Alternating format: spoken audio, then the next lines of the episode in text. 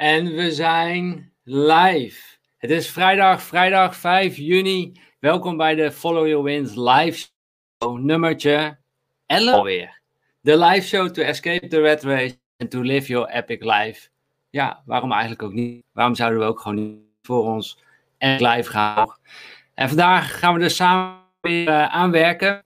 En daarvoor hebben we ook weer een, uh, een speciale gast voor jullie uitgenodigd. En uh, onwijs blij dat hij ons uh, vandaag komt, uh, komt joinen. En hij is begonnen in de pizza's en hij is nu investeerder in, in vastgoed. Door creatief met geld om te gaan, hebben zij in ja, 2019 tien beleggingspanden kunnen, kunnen aankopen. Er zijn al vele mensen hier ook mee geholpen met de aankoop van, van vastgoed. En ja, kijk, ook mensen, daar willen wij ons natuurlijk mee, mee omringen. Daar willen we meer van weten. En uh, vandaag uh, niet alleen voor mij, maar ook voor jullie de kans om uh, vragen te stellen aan onze speciale gast. En voordat hij in, de, in deze uitzending komt, wil ik graag jullie vragen om een, een heel groot applaus te geven. En dat kun je doen door middel van het duimpje onder deze video. Dus ga naar dat duimpje onder deze video. Geef daar een duimpje. En dan bij genoeg duimpjes, dan komt hij ook live in de, in de uitzending. En ik heb ook iets nieuws. Nicole, mijn vriendin die zit te kijken, die weet dit nog niet. Maar ik ga het nu laten zien. Kijk, waar zit dat uh, duimpje? Je komt nu in beeld. Klik op dat duimpje en bij genoeg duimpjes komt hij in beeld. Je mag je natuurlijk ook abonneren. Abonneer ook op, uh, op alles. Dan ontvang je ook weer onze nieuwe video's. En jawel, dank jullie wel. Hij is in de uitzending. Yes. Marijn Noordermeer. Olé. Ja, dankjewel. Bedankt voor de uitnodiging ook. Ik vind het leuk om uh, ja, bij jullie in de show aanwezig te zijn en het een en ander te gaan vertellen vanuit ja, onze ervaringen. Dus, uh, ja, ja dat, is ook zo heer, dat is ook zo heerlijk, weet je. Marijn, we hebben elkaar een jaar geleden ontmoet, op uitnodiging ook, uh, ook van jou. En gewoon heerlijk, lekker nuchter, lekker, lekker Hollands, maar ja, wel met heel veel vrijheid nu en op, op een hele mooie manier. dus ja, echt een ervaringsdeskundige door het zelf ook te, te doen. Ja. Daar willen we het meer over, uh, over hebben. En uh, ja, waar, waar, waar gaan we het over hebben met z'n allen? En ik, uh, ik, ik zal ook open kaart met je spelen, Marijn. En dat is dat, nou, je weet, en wellicht sommige kijkers ook, wij hebben een, een huis gekocht in Malaga. Het Malaga Beach House. Het ligt 50 meter van het strand. we verhuren dat ook. en dat gaat goed. Natuurlijk nu eventjes minder door uh, de korte termijn verhuur, maar dat komt wel weer terug. En jullie mogen we weer open in, uh, in Spanje. Um, maar waar we tegenaan lopen is het tweede huis. Weet je, hoe gaan we dat tweede huis financieren? We hebben veel eigen middelen in ons eerste huis gestopt. Ja, hoe gaan we nou naar dat tweede huis en naar het derde huis? En, um, en jullie hebben dat gedaan. Uh, dus ik, ik ga er zelf ook veel van leren in deze, deze live show. Ja. En ik heb ondertussen ook bij de kijkers ook een polletje gehouden van tevoren.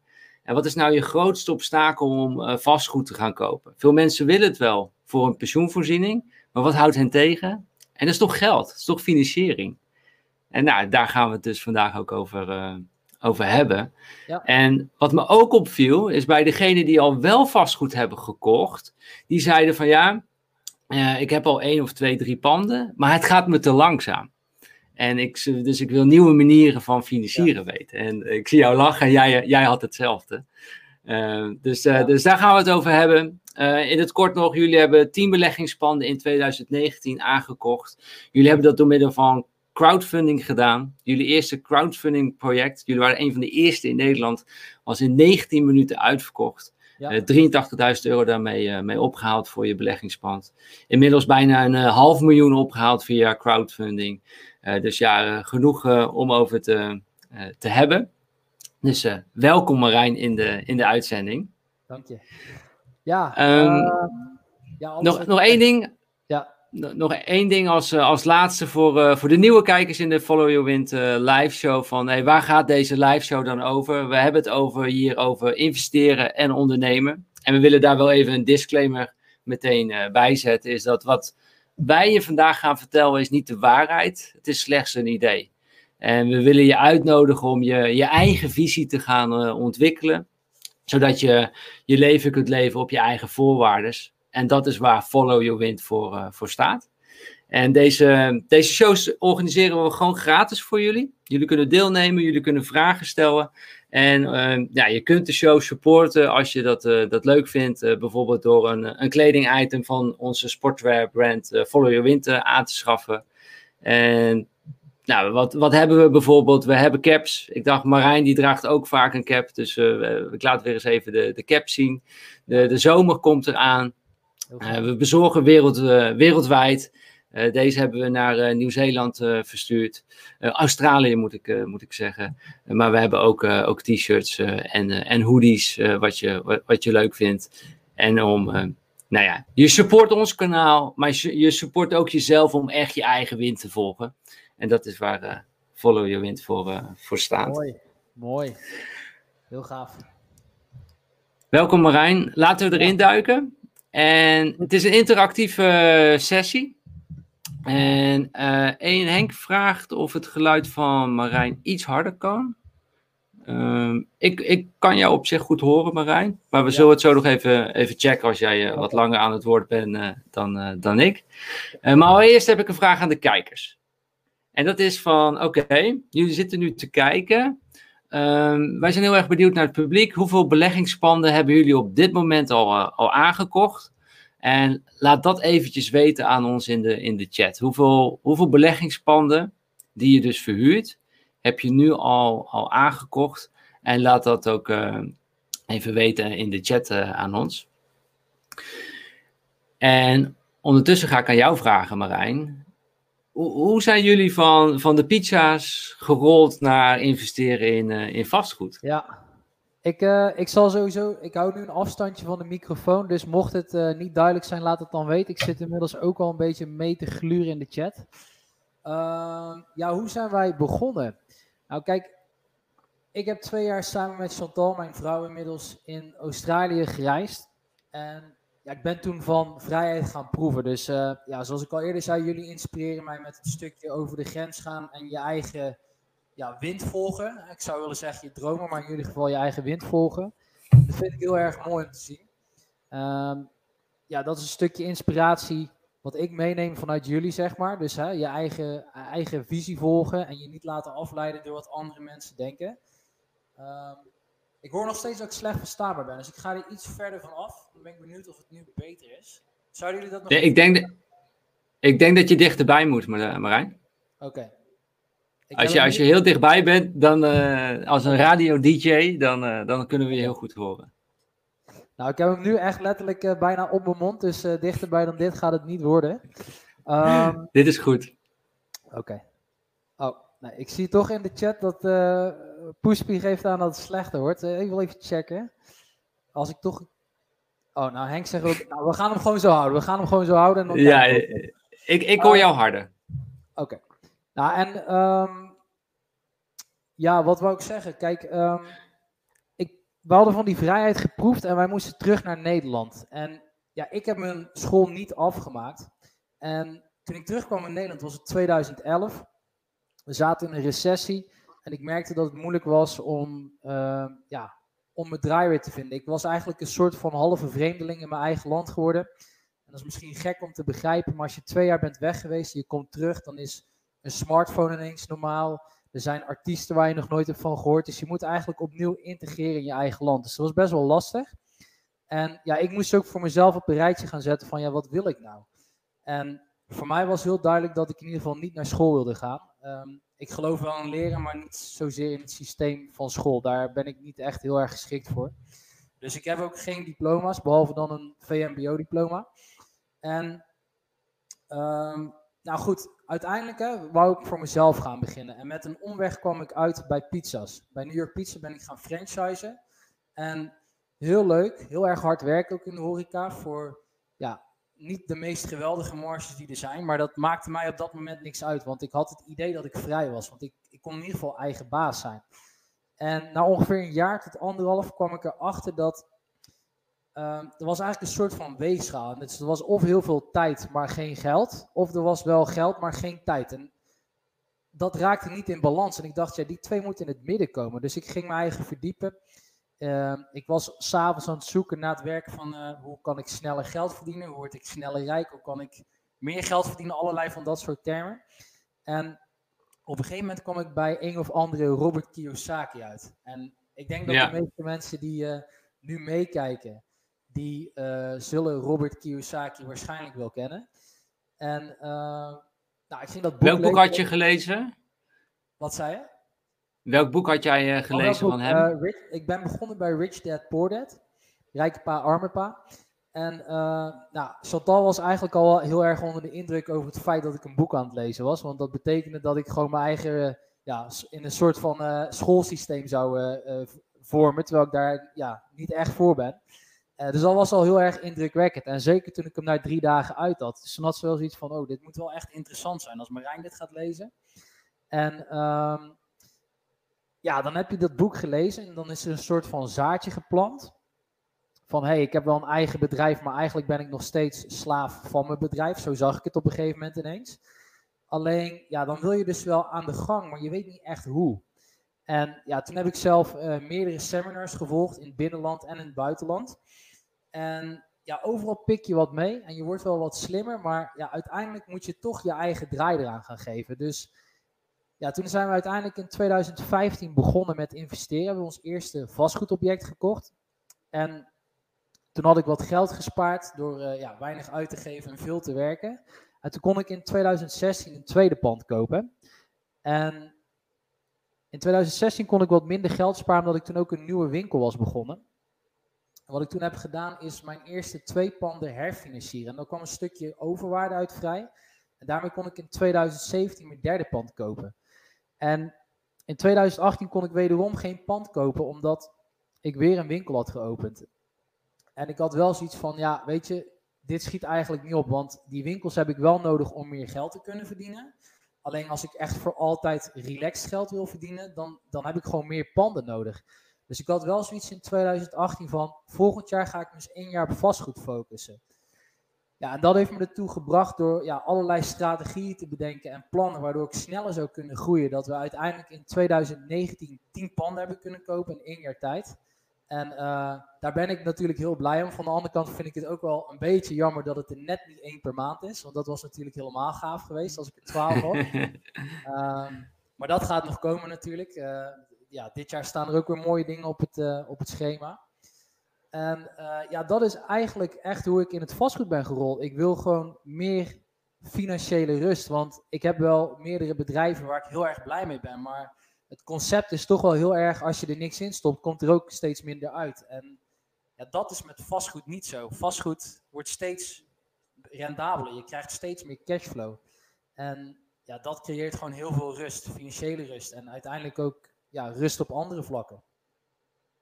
Ja, en ik, ik denk dat mensen nu ook wel zullen begrijpen van... Uh, kijk, je moet ook in vastgoed wat erin stoppen. Maar dat hoeft niet altijd je eigen tijd te zijn. En nu blijkt dat jouw verhaal, het hoeft niet ook altijd je eigen middelen te zijn. En dat is natuurlijk iets onwijs tegenstrijdigs in ons Calvinistisch Nederland. En dat we denken, ja, mag dat wel? Kan dat wel? En ehm, nou ja, goed, daar gaan we, het, uh, gaan we het over hebben. Ik heb even in de chat ook gezien, het merendeel, uh, er zijn een aantal mensen al die al een pand hebben. Edwin heeft al drie panden. En ook heel veel mensen die, die uh, nog geen pand hebben om te verhuren. Dus die wel ja, heel geïnteresseerd er ook zijn natuurlijk hoe we dat gaan doen. Um, ook nog een vraag voor de, voor de kijkers. In welke, we gaan het nu meer over vastgoed hebben. En stel nou dat we vastgoed gaan kopen in, in Nederland. Uh, en voor de kijkers dan. In welke stad zouden jullie vastgoed gaan kopen? Wat is je idee? In welke stad wil je nou graag uh, je eerste object of je vierde object voor Edwin gaan kopen? Laat het even aan, aan ons. En voor welke, in welke steden hebben jullie je panden, Marijn? Ja, nou, wij zijn zelf wonende in Tilburg. Eh, dus ik vanzelfsprekend, en dat zul je denk ik zo in de chat ook gaan zien, is dat de meeste mensen vaak willen kopen op de plek waar ze zelf wonen of daar zo dicht mogelijk in de buurt. En uh, dat heb ik in het begin ook gedaan. Dus de eerste twee panden waren in Tilburg. En toen kwam ik erachter dat het uh, ja, best wel duur was in Tilburg. Het werd steeds duurder. En ik had zoiets van, ja, ik wil helemaal niet meer geld voor hetzelfde betalen. Dus ik ga wel ergens zoeken waar het goedkoper is. En ehm, ja, daar kwam eigenlijk ook de echte ontwikkeling van mijn kennis. Want toen begon ik me eigenlijk te oriënteren op. Je moet niet kijken naar wat dichtbij is. Want als je iets dichtbij gaat kopen, dan ben je eigenlijk alweer een actieve houding aan het creëren, terwijl het passief inkomen is. En, en een veelgebruikte opmerking is, ja, ik wil wel kunnen kijken als er wat aan de hand is. Alleen wat er dan gaat gebeuren is dat de route naar de supermarkt altijd toevallig even langs dat pand gaat. Waar, en die, dat pand gaat nergens naartoe, die blijft op dezelfde plek staan. Dus ehm, ik ging me oriënteren uh, naar andere plaatsen die wel goede statistiek hadden. Dus positieve bevolkingsontwikkeling, druk op de huidige huurmarkt, et cetera, et cetera. Ik kwam toen uit in Dordrecht. Dus daar heb ik toen het derde pand gekocht. En twee jaar later zag ik dat ook daar de panden weer veel te duur aan het worden waren. Dus heb ik een heel goed marktonderzoek gemaakt. Dus echt van heel de onderkant van Nederland en zelfs op plekken ja, ver boven het midden ben ik gaan kijken. Nou, hoe ziet de bevolkingsgroei eruit? Hoe ziet de economische groei eruit? Uh, allerlei data die heel erg belangrijk zijn om te kunnen bepalen of een uh, prijsontwikkeling nog verder uh, ja, zal evolueren. En ja, na veel onderzoek kwam ik uh, uit bij een plekje in Zeeland, Vlissingen. En het grappige ja. is dat Zeeland aan zich is een krimpprovincie. En het voordeel daarvan is dat als mensen krimpprovincie horen, dat dan eigenlijk al bijna niemand meer gaat kijken. En in zo'n krimpprovincie zitten plaatsen die wel groeien. Dus bijvoorbeeld Limburg is ook een krimpprovincie, maar de stad Maastricht groeit enorm. En uh, ja, uiteindelijk kwam daar dus voor ons Vlissing uit. En dan zijn we heel voorzichtig één pandje gaan kopen om af te tasten hoe dat ging. Ja, dat beviel zo goed. Dat die verhuurmarkt is zo goed daar dat ik zoiets had van, ja, uh, screw it, ik ga hier meer kopen. En ja, in één jaar hebben we er dus tien in daarna gekocht. En uh, ja, as we speak, vandaag is er ook weer een koopovereenkomst getekend voor een blok van zes appartementen. Uh, ook in Vlissingen. Dus uh, dit, jaar, dit jaar lig ik wel op een gemiddelde van één per maand. Dus ik hoop dat ik dat vol kan houden. Dan, ja. dan kan ik de fles opentrekken aan het eind van het jaar. Ja, gefeliciteerd. Maar hoe, hoe, hoe kijk jij nu naar de, de, de, de huizenmarkt? Hè? Roel die zegt ook van, ja, nu kopen, weet je, nu is het niet de tijd. Maar jij hebt vandaag weer ondertekend. Hoe, hoe kijk jij naar de, naar, de, naar de huizenmarkt? Weet je, is het in Nederland, ja, is er zo'n groot tekort aan, aan huurwoningen in Nederland? Ja, ja goede, goede opmerking uh, van Roel kwam die volgens mij. Ja, wij horen inderdaad heel vaak, uh, en nu nog meer dan voorheen, maar ook een half jaar, een jaar geleden hoorde ik continu, nu is niet het moment om te kopen. En um, ik snap dat dat gezegd wordt. En ik kan ook uh, uiteindelijk niet 100% met zekerheid zeggen dat dat waar is of niet waar. Want ja, ik, ook ik heb geen glazen bol. Dus ik kijk alleen naar de fundamentele zaken. Dus naar cijfermatige onderbouwingen. En als je naar de cijfers kijkt, dan zie je dat er tot 2040 een groeiende woningnood is. Dus ja, vroeger sprak men over een woningtekort. Tegenwoordig is de term woningnood. En deze woningnood die blijft toenemen tot 2040. Dus dat is nog 20 jaar. Dus ja, je begrijpt het goed, het is niet opgelost in 2040, maar op 2040 bereiken we de piek van de woningnood. Dus dat betekent dat als je gewoon naar klassiek vraag en aanbod kijkt, dat er gewoon nog 20 jaar lang veel meer vraag zal zijn, toenemend, dan het aanbod. En ja, dan kan er nu wel een economische crisis zijn, want die is er wel degelijk, weet je, dat kun je niet ontkennen. Alleen, ja, die hoeft niet altijd parallel te lopen met uh, hetgeen wat er in de huizenmarkt gebeurt. En daarnaast is het natuurlijk ook nog zo dat um, ja, er wordt nu met geld gestrooid. Uh, we hebben al met inflatie te maken, maar nu helemaal. Want de overheid die houdt onze economie gewoon staande door ja, makkelijker geld uit te delen. Ja, en als het dan dus op die manier gered wordt, ja, dan kun je denk ik ook wel enigszins voorspellen wat er met de huizenprijzen gebeurt. Um, wat wij zelf gewoon met onze eigen ogen zien in de huizenmarkt, is dat op dit moment mensen voorzichtig zijn met kopen en verkopen. Dus de woningvoorraad die slinkt, want er komt weinig bij. En dat zorgt er dus ook weer voor dat de prijzen omhoog gaan. Want de onderkant van de markt die wordt vooral opgekocht door investeerders. Dus starters komen er nog moeilijker tussen, waardoor ze nog meer bereid zijn om meer te betalen dan ze al deden. Dus op dit moment, uh, tegen mijn eigen verwachtingen ook in, moet ik eerlijk zeggen. Qua huur bedoel, qua huur bedoel je dan? Ook qua De starters? Ja, maar ook, ook qua, kopen. Ja, dus eigenlijk ook tegen onze eigen verwachtingen in zien we dat uh, de huizenprijzen nu nog harder groeien dan voor corona. Dus dat is. Uh, oh, ze zijn, ze zijn ja. nog steeds aan het stijgen, bedoel je? Ja, klopt. Ja, ja en, en daarnaast denk ik, uh, um, als je het dan zeg maar hebt, hè, is nu het moment om te investeren. En dat is mijn algemene filosofie. Dus dat is niet zozeer op dit momentum, maar gewoon in algemene zin ben ik erachter gekomen dat als je wil wachten tot de markt inzakt en de markt zakt, dan wil je wachten totdat de bodem bereikt is. Alleen niemand heeft een glazen bol. En wat er dan gebeurt is, dan denk je dat de bodem nog moet komen, maar dan gaat het weer omhoog. En dan wil je weer wachten totdat de bodem komt. En dan ben je weer 5, 6, 7, 8 jaar verder. En dan zakt hij en dan wil je weer wachten. En uiteindelijk zul je nooit iets ondernemen. Dus uh, in een algemene gedachte denken wij dat als je op elk moment koopt, hoog, laag, midden, dan zul je altijd een gemiddelde prijs betalen. En ja, afsluitend daarop, en dan zal ik mijn antwoord uh, zal ik het bij ophouden, ik kan er eeuwig over door blijven praten.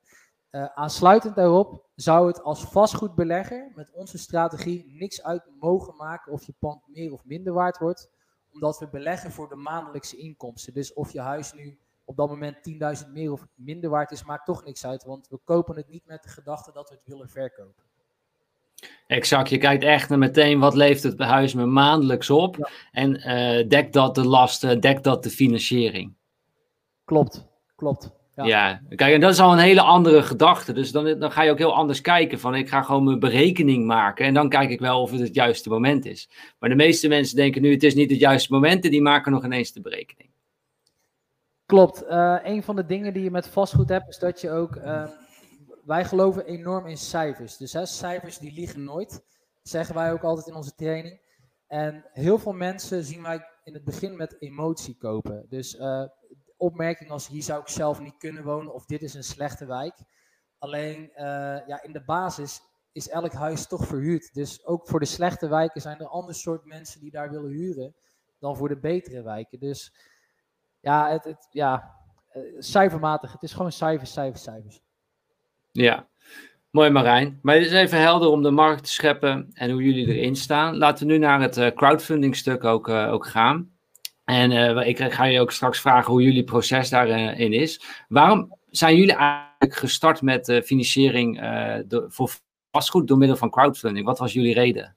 Ja, nou ik had dus, hè, zoals ik eerder zei, in 2018 een hele ja, complexe berekening wil ik niet zeggen, maar het was wel uh, een relatief uitgebreide berekening.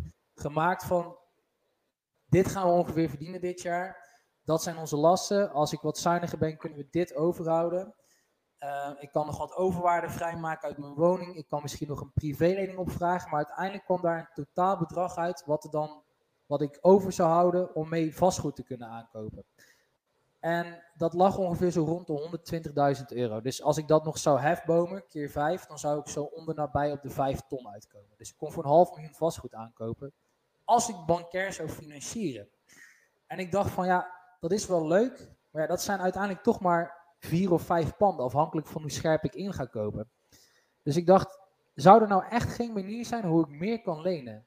Dat ik gewoon echt nog meer kan lenen, zodat ik meer kan kopen. Dat ik geen 20% hoef in te brengen bij een pand, maar 10%. En ik kwam bij crowdfunding uit. En ja, ik dacht, ja, dat is wel interessant. Alleen ik moet binnen vijf jaar aflossen. Ja, dat komt nooit uit, want dan heb je negatieve cashflow. En toen ben ik Juist. met elkaar heb ik uh, meerdere gesprekken gehad. En uiteindelijk zijn zij een product gaan ontwikkelen dat zij de uh, vastgoedfinanciering noemen. Dus dat was in, uh, in ervaringen van onder andere mij, hè, dat je uiteindelijk, ja, was het met een oude product niet echt lonend. En het mooie daarvan is, is dat je tot 90% van de taxatiewaarde kunt financieren. En van die 90% is 75% aflossingsvrij. En toen vroeg ik aan hun, ik zeg, kijk, als ik naar de bank ga en een object koop ik voor 100.000 en het wordt op 110 getaxeerd, kan ik maar 80% van 100.000 lenen. Dus van de laagste waarde van de twee ja, als ik het nou bij, bij, bij jullie uh, iets voor 90 aankoop en het wordt op een ton getaxeerd, kan ik dan 90% van een ton tak, uh, lenen? En ze zeiden ja, dat kan.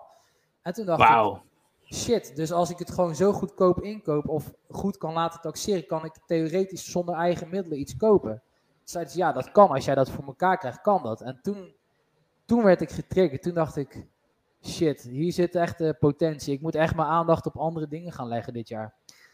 En uh, ja, lang verhaal kort. Ja, ik ben, wel heel, ik ben wel heel erg benieuwd bij de kijkers. Is dit, is dit helder wat er dus, dus gebeurt? Hè? Dus dat je normaal wil, dus als je via crowdfunding kun je maar 90% kun je dus maar uh, financieren van, de, van het huis. Hè? Uh, stel dat het huis 100.000 euro is, kun je maar 90.000 financieren, moet je 10.000 euro inleggen. Nou, dat, dat is al beter dan met de banken natuurlijk. Hè? Mhm. Maar wat jij dus zegt, van als we dus kunnen taxeren op 110.000 euro het pand, we kopen het voor 100.000 euro, kan ik dus 100.000 euro volledig via crowdfunding krijgen. Ja. Zonder eigen middelen. Klopt. En dan het tweede belangrijke wat ik dus opmaak, is dat ja, waar je tegen crowdfunding aanloopt, is dat je die, die rente, dat je die aflossing moet doen in 72 maanden, in zo'n hele korte periode. Dus je hebt hele hoge maandelijkse lasten, dat zou je denken. Klopt. Maar daarop zeg jij dus nee, 75% is aflossingsvrij, die kunnen we aan het einde doen. Klopt. Dus, dus, dus je hebt wel een maandelijkse cash, positieve cashflow. Klopt. Ja, klopt. Je moet alleen aan het einde, na die vijf jaar of uh, zeven jaar wat je afspreekt, moet je wel in één keer die, die 75% of die 75.000 euro oppoesten. Dat klopt, alleen dat is eigenlijk niet anders als je naar de bank gaat. Want ook als je bij de bank uh, bijvoorbeeld naar de RNHB gaat en je sluit een uh, hypotheek af met een rentevastperiode van vijf jaar, dan is er in theorie ook de mogelijkheid dat zij ook zeggen na vijf jaar, we gaan een nieuwe hypotheek wel of niet met jou aan. Dus dat verschilt niet zo heel erg veel, behalve dat het bij de crowd veel duidelijker wordt. Van hey, dan is er echt een eindtijd. Bij de, bij normale hypotheekverstrekker wordt dat wat minder duidelijk gecommuniceerd. Maar in wezen is die, uh, die, die kans daar net zo groot. Um, maar ja, goed, uh, met de methode die wij hanteren, is het ook de bedoeling dat overwaardes continu vrijgemaakt worden. Dus we zijn niet echt op zoek naar panden voor vijf of tien jaar lang aflossen en niks doen. Zodra er weer 10 of 20 procent uitgehaald kan worden, willen we die eigenlijk vrijmaken. Zodat we door kunnen pakken om meer panden te kopen. Ja, exact. En we gaan het nog even hebben over. Uh, Egbert zegt dat ook, je kunt na vijf jaar weer herfinancieren. Dat is inderdaad het, uh, het, trucje ook. Uh, daar wil ik het straks over, over hebben nog even. Nu ben ik wel heel erg benieuwd. Ik zag ook de vraag van Margriet terugkomen. Is van eigenlijk ja, het, het proces van de crowdfunding. Weet je, waar, hoe, hoe, hoe, zit het proces in kaart? waar, waar, beginnen jullie mee? Is, is, beginnen jullie allereerst met het beleggingsobject zoeken? Waar, waar, waar is jullie startpunt? In, in het beginselen wil, de, wil het crowdfund-platform wil weten wie wij zijn. Dus uh, cijfermatige zaken. Hè? Waar komen je inkomsten vandaan? Hoe ziet dat eruit? Hoe zien je uitgaven eruit? Dus uh, vergelijkbare materie met de bank, behalve dan dat het veel persoonlijker is. Dus bij de bank je echt een nummertje en bij de crowd word je wel echt als mens behandeld. Um, en terecht ook, want zij hebben ook een plicht naar de mensen die het geld lenen. Want zij moeten natuurlijk ook maar waarmaken dat wij het gaan betalen. Want als wij dat niet doen, zullen zij daar ook op aangekeken worden. Um, als je daar doorheen komt, dus als je goedgekeurd bent om te gaan lenen, dan moet je wel eerst daadwerkelijk met een getekende koopovereenkomst aankopen, zodat je ook kunt aantonen van ja, dit is waar ik geld voor wil lenen. Je kunt niet eerst geld lenen en dan een pand gaan zoeken. Dus je moet wel eerst een pand vinden en dan geld gaan ophalen. Waar je rekening mee moet houden is dat de meeste verkopers hun nekharen omhoog schieten als je zegt dat je het via de crowd wil financieren. Dat vinden ze maar eh, raar en eng en spannend. En dus je kunt een paar dingen doen. Je kunt het niet zeggen. Ehm, je kunt het wel zeggen, dus dat dat een ontbindende voorwaarde is. Nou, ik heb dat een paar keer geprobeerd en dat lukte niet. En uiteindelijk heb ik uh, uh, gedacht van, ik ga kijken of ik in mijn netwerk mensen kan vinden die mij geld kunnen lenen als ik het niet rondkrijg. En toen heb ik het dus zonder onbindende voorwaarden gekocht.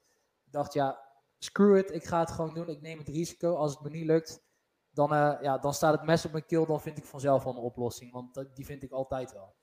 Nou, gelukkig was ik die oplossing niet te zoeken, want de eerste twee keer was het binnen 19 minuten vol. Dus dat, dat ging redelijk snel. Um, als je dus uh, dat pand hebt gevonden, dan, gaat, dan moet je dus je pitch gaan presenteren. Dus je komt op het crowdfund platform kom je, uh, online met jouw verhaal. En mensen kunnen zich daarop in gaan schrijven. Dus die kunnen aangeven, nou, ik wil voor zoveel honderd of duizend euro uh, investeren in jouw project. En ja, op het moment dat die financiering, dat al die bedragen opgehaald zijn en het benodigde bedrag rond is, ja, dan kun je dus naar de notaris om de gelden over te laten schrijven naar de verkopende partij en je wordt eigenaar.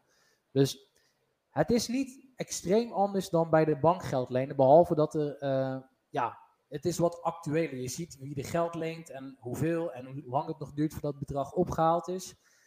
Mocht je in de gaten hebben dat je project stroef loopt, heb je ook nog de optie om tussentijds de aan te bieden rente wat te verhogen. Dus het is ook uh, in dat opzicht wat actueler, denk ik, dan wanneer je naar de bank gaat. Ja, dus jullie uh, eerste object, je koopt het aan, je hebt die overeenkomst, dan kan je naar het platform. Uh, op platform ben je al gecheckt of jullie überhaupt worden toegelaten. Ja. Uh, en dan ga je je proposal maken op het, op het platform. wat, voor, wat, wat voor rente en looptijd wordt beloofd? Wat, wat voor rente beloven jullie vaak aan degene, de crowd? Ja, nou, kijk, als jij uh, gescreend wordt, dan komt er een risicoprofiel naar boven. Uh, dus dat heeft te maken met je inkomsten, met je uitgaven, met de cashflow die je gaat genereren. ook met je BKR-registratie. Ik zelf heb ook een BKR-registratie. Je hebt positieve BKR en negatieve BKR. Dus een positieve betekent dat je geld geleend hebt, maar dat je ook altijd betaalt. Dus dat is helemaal niet erg. Het kan zelfs positief zijn. Uh, die heb ik zeker, want ik heb ook nog daarbovenop uh, privéleningen genomen, zoveel als ik kon, om dat ook weer te kunnen hefbomen, om meer te kunnen kopen. Um, als je negatieve BKR-registratie wil, dan wordt het natuurlijk lastig. Nou, uiteindelijk komt er een soort van opsomming van hoe rendabel jij zou kunnen zijn. En, uh, of hoe betrouwbaar jij zou kunnen zijn. En hoe betrouwbaarder jij overkomt, hoe lager jij de rentes kunt aanbieden. En het crowdfunding platform zal altijd stimuleren om hoge rentes te betalen, omdat ze willen dat het snel volloopt. En hoe hoger je aanbiedt, ja, hoe sneller dat het gaat. Uh, dus ja. je wel met het, ja, met het platform waar ik mee werkte, dat ik wel uh, uh, de bodem probeerde te zoeken en dat zij dan een soort van probeerden te schipperen. En, en, ik vind dat ook wel goed, want ze nemen daar wel een verantwoordelijke rol in. Ze proberen ook de andere kant tevreden te houden. er zijn ook andere platforms die gewoon een model aanbieden. Dus die zeggen gewoon, nou, je kunt voor deze rente, dit, met dit renteaanbod kunnen we live gaan. En daar bepalen zij. Nou, dat vond ik dus bijvoorbeeld heel prettig bij Geld voor elkaar. Dat ik degene was die de rentes kon bepalen. En in mijn eerste project boden wij 5,5 aan.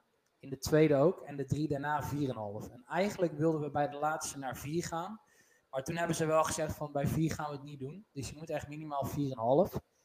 En misschien hadden ze ook wel gelijk, want uiteindelijk duurde dat project ook wel redelijk lang voor ons doen. Die duurde 10 dagen, terwijl de eerste vier minder dan 24 uur duurden. En ik merkte daarmee ook dat ons verhaal, onze pitch was misschien een beetje saai aan het worden. We kwamen elke keer met dezelfde pitch en ja, het was wel leuk, veilig, maar ik merkte wel dat mensen een beetje uitgekeken raakten op ons verhaal, omdat de rentes die daarbij kwamen ook relatief laag waren. Want de meeste mensen op crowdfund-platformen die bieden 7 of 8 procent aan en wij zaten tussen de 4,5 en 5,5. Ja, ja, en, en dat is ook wel een vraag weer van uh, Franciscus, is van, uh, ja, wat is het voordeel voor de crowdfunders? Ja, goede vraag. Um, crowdfunders zijn mensen die uh, geld hebben, wat niet rendeert. Nou, we weten allemaal dat als je je geld op de bank zet, dat het dan niks opbrengt, of nagenoeg niks. En wat misschien nog niet iedereen weet, uh, ja, ik, ik, weet niet hoe goed de, de crowd daarmee bezig is, de mensen die nu meekijken, maar als je geld spaart, dat is een beetje hypocriet. In Nederland wordt er reclame gemaakt van pas op, geld lenen kost geld. Maar er wordt nooit reclame gemaakt met pas op, geld sparen kost geld. Want geld sparen kost ja. veel meer geld. Want jij denkt dat als jouw 1000 euro aan het eind van het jaar 1001 is, dat je rendement hebt gemaakt. Maar de koopkracht van jouw 1001 is minder dan die 1000 jaar daarvoor. Dus dat is eigenlijk best wel een beetje vreemd. In Nederland proberen ze je te beschermen, maar ze vergeven wel de verkeerde informatie. En de mensen die dus het geld lenen, die zijn dus op zoek naar een manier hoe ze hun geld, uh, de kapitaalkracht op, op peil kunnen houden. En daardoor gaan ze investeren in projecten zoals die van ons. Nou, er zijn ook andere type beleggers die naar hoger rendement op zoek zijn. En in de regel kun je eigenlijk stellen dat hoger rendement gaat ook gepaard met hoger risico. Uh, in crowdfund termen zijn, zijn wij in algemene zin als vastgoedbeleggers een redelijk veilige haven. Omdat vastgoed is gewoon heel steady ten opzichte van bijvoorbeeld een onderneming. Stel je voor dat je je geld in de onderneming had gestopt tegenover 8 of 9 procent, is de kans redelijk aanwezig dat die persoon die dat geld heeft geleend nu moeite heeft om zijn geld te kunnen betalen. En dat, uh... Ja, en je weet natuurlijk ook niet of dat die onderneming gaat lopen. Als dat in een bepaalde start-up is, je, ja. Klopt. Ja? Daarom geeft hij 8 of 9 procent. Ik vind daarom ook wel een interessante vraag van, uh, van Egbert. Is van, geef je de panden als onderpand voor, onderpand voor nieuwe projecten? Ja. Of, nou, dat is, eigenlijk, dat is eigenlijk weer een andere vraag. Ik, ik dacht meer voor, ik zat even voor de crowd te kijken. ehm, hebben zij nog aanspraak op het pand als het, als het misgaat? Of hoe, hoe, hoe zit dat? Ja, dus in Nederland is het sterkst geldende uh, recht is een eerste hypotheekrecht. Dat betekent gewoon letterlijk dat als jij niet meer kan betalen, dan is de persoon die het eerste hypotheekrecht heeft, die staat als eerst in de rij om zijn geld op te kunnen halen. Nou, bij alle panden die wij gefinancierd hebben bij de crowd, hebben we altijd de funders als eerste in de rij laten staan. Dus daarmee krijgt zij de garantie dat als je niet meer kunt betalen, dat jij dan wel als eerste je geld terugkrijgt. Ook al zou het bij wijze van spreken niet alles zijn, je bent wel de eerste die aanspraak maakt. Ja, een sterke recht in Nederland kun je niet geven. En kijk, zo'n recht kun je wel bij een onderneming geven, maar een onderneming is waard wat een gekker voor geeft. En, um, ja, dat ja, en een kale kip kan je niet plukken. Precies. En inboedel is maar, in ook niks meer waard. Ja, maar die stenen, dat huis wat verhuurd kan worden potentieel en waar vaak een koper voor is, daar is nog wel een prijs voor. Klopt, klopt. Ja.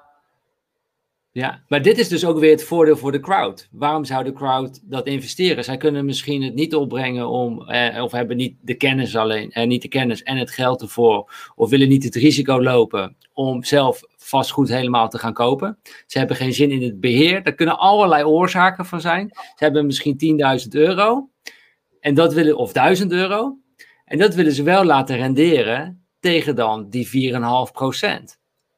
Ja. En ze kiezen dan niet voor die 8% maar voor die 4,5% omdat eigenlijk het risicoprofiel lager is voor hen. Het risico wat zij lopen is lager, want ze hebben dat onderpand nog. Klopt, klopt. En uh, wat ik wel merk is dat uh, uh, zelfde mensen hebben in al mijn projecten geïnvesteerd. Kijk, met de wet van privacy mag je natuurlijk niet meer, mag het crowdfunding platform de gegevens niet meer met mij delen. Wat ik dus wel heb gedaan, en voor degenen die nu notities maken, dit zou ik zeker even opschrijven. Um, ja. Wat ik heb gedaan is, ik heb al die mensen uitgenodigd om naar mij toe te komen, om ze te bedanken. Dus, en ik heb dat in, de, in het vorm gegoten van, uh, ik heb een pizzeria, ik ga een open dag houden. Neem je neefjes, nichtjes, broertjes, zusjes mee, kom pizza's bakken. En zo ben ik aan mijn netwerk gaan werken, zodat ik ook in de toekomst bij deze mensen direct geld kan gelenen, zodat ik het crowdfund platform zelfs kan uitsluiten, maar dat ik eigenlijk mijn eigen crowdfund platform kan bouwen. Uh, nou, ik heb van een kleine 30 mensen gegevens, dus niet heel veel. Maar daar zitten wel mensen tussen die meer dan 10.000 euro in mij hebben geïnvesteerd, terwijl ze me niet kenden.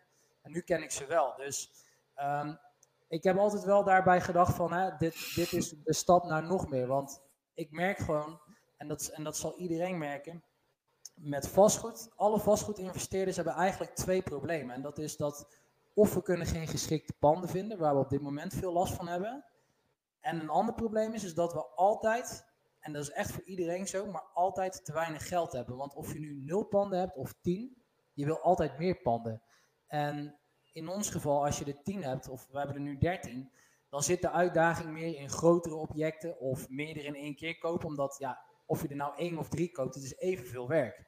Um, maar het punt blijft wel dat je telkens weer naar geld op zoek moet gaan. Want als je dat elke keer zelf moet sparen, duurt het gewoon veel te lang. Dus uh, ja. Ja. Ik ben even benieuwd ook bij de, de kijkers. Wat vinden jullie van het verhaal van Marijn? Heeft het je al een inzicht gegeven? Uh, ja, wil je zelf ook in, in vastgoed gaan, gaan investeren? En wellicht door, door middel van crowdfunding. Laat dat even weten hier in de, in de, in de chat. Ehm, ja, voor mij, Marijn, heb je wel weer duidelijk laten, laten zien dat je dus inderdaad ook met weinig geld dus toch goed vastgoed kunt financieren.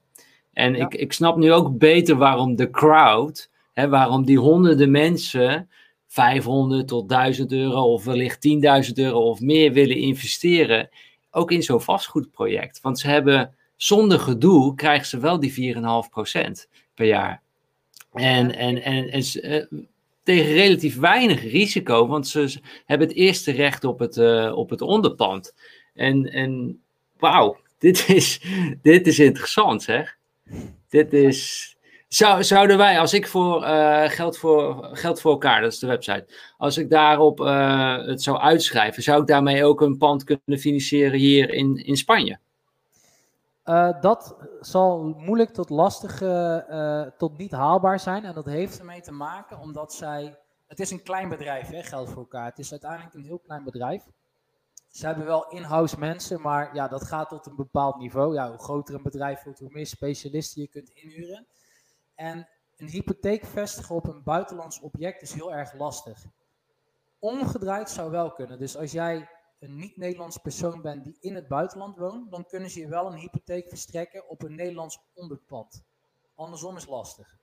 En dat komt omdat, ja, wat, in hoeverre houdt zo'n eerste hypotheekrecht stand in een, uh, ja, in een land waar het niet gevestigd, waar zij geen kennis van hebben?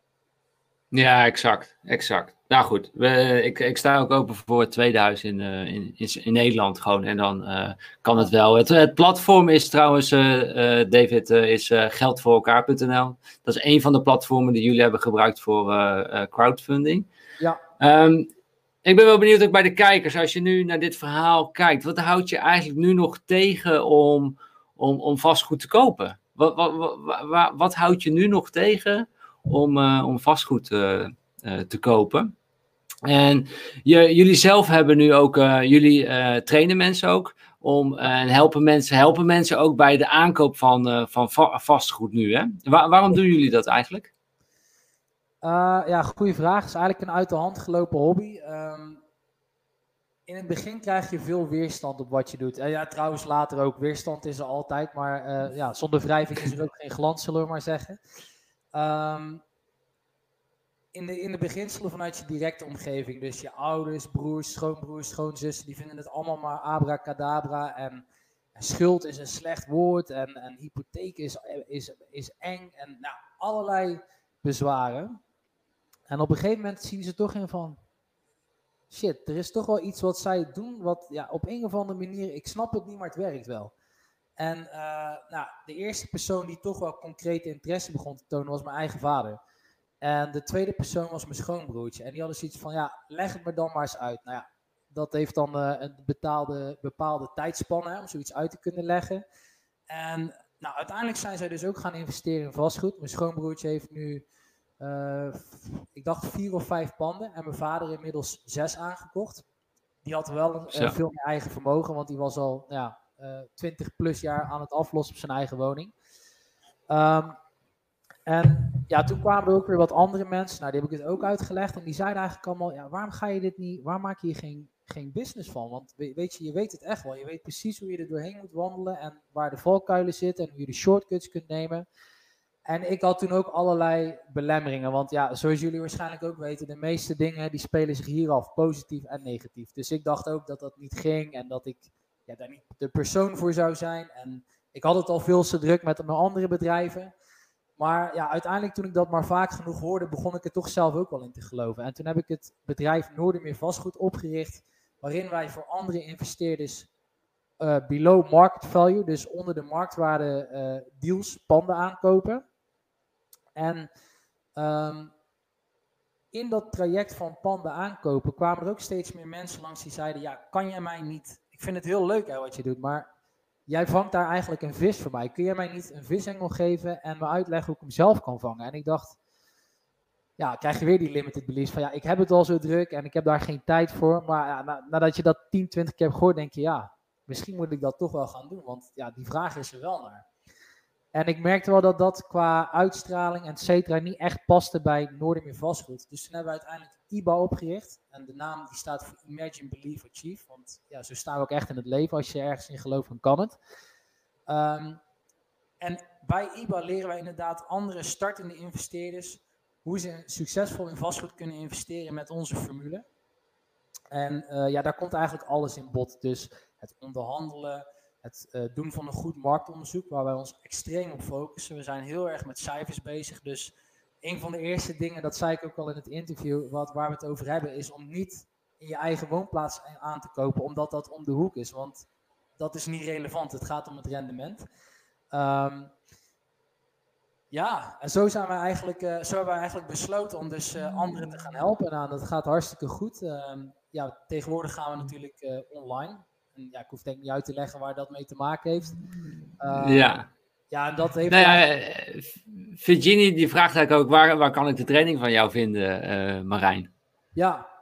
Um, ja, dat is op onze uh, website. En ik dacht dat, volgens mij zou Stijn straks ook nog een link daarvan delen. Ja, ik laat de link ook nog eventjes zo zien. We hebben in ieder geval met Follow Your Wind hebben we ook weer iets gedaan voor jullie. Dus Marijnen en Chantal, dat is zijn vrouw, jullie geven samen deze training. En jullie, nou, vertel iets meer over de training. En daarna gaan we nog meer vragen beantwoorden, ook van deze crowd die nu online zijn. Dus ik, ik, heb al heel veel interessante vragen ook weer voorbij zien komen. Die gaan we, ga ik zo nog even aan Marijn stellen. Laat even iets kort vertellen over, over jouw training. Ja, nou ik zie sowieso dat je gewoon ook echt een leuke, leuke crowd hebt. Er wordt uh, veel uh, gereageerd, dus dat is altijd een goed teken. Als er uh, weinig vragen gesteld worden, dan ben ik niet interessant genoeg. Of, of misschien is de doelgroep niet geïnteresseerd in wat we doen. Maar die, die match is er volgens mij wel, dus dat is mooi om te zien. Ehm, ja, de training. Nou, we hebben de training opgedeeld in acht modules. Chantal en ik leggen samen alles uit. Dus de ene keer staat zij voor de camera, de andere keer ik. Of, of, we hebben er ook een paar dat we er samen staan. Al deze modules zijn opgenomen en kun jij kijken waar jij wil, wanneer jij wil en hoe vaak jij wil. Um, en ik denk wat ons programma heel erg uniek maakt, is dat bij zo'n beetje alle aanbieders van trainingen krijg je een training. Dat kan live zijn, maar dat kan ook digitaal zijn. En op het moment dat zo'n training is afgelopen, krijg je een werkboek mee en dan mag je het zelf gaan doen. En dat, ja, dat is ook logisch. Je moet het ook zelf gaan doen. Alleen, het is best wel normaal dat dingen verwateren of dat je vragen hebt. En ja, als je alleen maar je vragen beantwoord kunt krijgen in de, de meest gestelde vragenlijst, dan is het niet ondenkelijk dat je uiteindelijk ergens op een punt komt dat je denkt van, misschien is het toch niet voor mij, want dan, dan komt dat duiveltje weer, die, die slaat dan toe. En wat wij dachten is van, ja, daar moet het niet opbouwen, want wij zijn ook mensen die echt graag anderen willen helpen. We willen niet dat iemand alleen maar een bepaald programma koopt, maar we willen ook echt succes boeken. Want ja, het succes van een ander is ook ons succes. En wat wij erop hebben bedacht is dat we eens in de twee weken een Q&A gaan houden. Dus in onze community gaan we live en kan iedereen vragen wat, of, wat zij maar willen. Dus dat kan zijn van, hey, ik ben vandaag naar een pand gaan kijken, dit en dat viel me op, wat zou ik nu moeten doen? Maar dat kan ook zijn, ik zit in module 3.2 en ja, ik snap gewoon niet wat daar uh, mee bedoeld wordt. Ik heb het filmpje al drie keer gekeken, maar het, het, het, het, kwartje gaat maar niet landen bij me. Dus het kan van alles zijn. Um, ik denk dat daar enorm veel waarde in zit. En daarnaast gaan we ook nog live. Dus dan moet je je voorstellen dat wij zelf een pand gaan bezichtigen en dat we dan aangeven van, hé, hey, let hierop. Ik zie dat het dak verzakt is of de, uh, er is geen VVE aanwezig. Allerlei dingen die we met jullie bespreekbaar maken. Of, of in een onderhandeling met een makelaar. En ja, als je dan zeg maar echt inhoudelijk op de modules ingaat, dat is denk ik te veel om in deze show te bespreken. Dat, ik denk dat dat te veel is. Maar in ieder geval, jullie programma heet Escape the Financial Race. Uh, het is niet dat je gaat, je gaat uh, vastgoed aankopen. Dat is gewoon het, uh, het doel. En jullie krijgen, je krijgt gewoon jullie begeleiding daarbij. En je kunt gewoon in live sessies vragen stellen. Iedere twee weken is er een live sessie. Daar kun je aan, aan deelnemen. Uh, op dit moment is de investering is, is één bedrag. En jullie gaan het later omzetten naar een membership. Hè? Ja. Maar nu nog voor de Follow Your Wind uh, kijkers is het gewoon een eenmalig bedrag. En dan blijven ze dan ook toegang houden tot die QA-sessies? nog wel. We hebben hem wel in ons eigen programma, als we hem verkopen, hebben we hem, ja, dan moet je daar wel maandelijks voor gaan betalen. Maar wij hebben natuurlijk elkaar gesproken al voordat, uh, ja, voordat die wijziging er was. Dus we houden het nog op ons oude aanbod. Dus dat is ook wel redelijk uniek, want dat bieden we zelf al niet meer aan. Dus, ja, uh, nou, ja. dus uh, mensen kunnen daarvoor gaan naar followyourwind.com slash escape. En ik zal heel even de, de pagina met je, met je delen. Mensen willen natuurlijk ook even weten wat is de, de, de investering da daarvoor. dat jij, wellicht kan jij die even delen? Ja. Uh, ja, je hebt hem al. Dus op dit moment de investering is 997 euro. Toegang tot jullie volledige training. Uh, maar voornamelijk ook, denk ik, het allerbelangrijkste, dat ze jullie begeleiding ook, uh, ook hebben. Want zo, ja, het vastgoed aankopen, dat kan natuurlijk ook gewoon een aantal maanden duren, weet je. Dat, ja, de, je, ja, je moet even op gang komen. Uh, en ja, dus, nou mensen, je kunt gaan naar followyourwind.com slash escape. Um, en daar eh, vind je de, de training. En hoef je dus geen membership te betalen en heb je toch uh, toegang tot uh, de kennis van Marijn en Chantalle. Uh, ik zit even kijken. Margriet vraagt zich af. Ik zit in een bijzondere situatie. Is er bijvoorbeeld ook een intake mogelijk voor, voor haar? ja, dat kan. Ehm, we hebben inderdaad af en toe plannen wel eens wat momenten in dat we calls houden. Dat we even kunnen kijken waar de bezwaren zitten. Ook bij ja, de andere kant zou ik willen zeggen, bij Margriet in dit geval. Uh, want ik kan me indenken dat je wel even goed wil nadenken voordat je besluit om de investering te maken. Dus dat kan. En wat we misschien even kunnen bespreken is dat Margriet of direct aan jullie of indirect naar mij ja, haar ja. Ik, ik, denk dat het is, Margriet, als je ons even contact, dan brengen wij je weer in contact met, met Martijn ook. Ja of je weet mij te vinden, laat even weten dat je follow je komt. Dan heb je ook alle, alle voordelen te, te pakken. Dus er is intake uh, mogelijk. Uh, eens even kijken, ik ga nog uh, door de vragen heen lopen. Stel ook zeker nu even je vragen nog die je hebt over, over het vastgoed. Franciscus vraagt zich af, ja, hoeveel kost het membership? ja, er is geen membership voor jullie. Dat is de, de positieve aanbieding. Dus het is een eenmalig bedrag van 990 euro. En dan kun je live bij Unees zijn met uh, uh, Marijn en uh, Chantal. Hè? Ehm, ik scroll heel, heel even naar, naar boven. Hoe, Antran die vraagt zich af, ja, waar, waar vind je de off-market deals? Hoe, hoe pakken jullie dat aan, Marijn? Ja, dit is de meest gestelde vraag. Die hoor ik continu. En ik snap ook waarom, hè, want daar, uh, ja, zoals Robert Kiyosaki ook zegt, winst maak je bij kopen en niet bij verkopen. Want iets voor de juiste prijs verkopen kunnen we allemaal en anders kunnen we daar de mensen voor inhuren die het voor ons doen. Dus dat is een hele goede vraag, want ja, daar, dat is het moment waarop je je winst eigenlijk al gaat bepalen.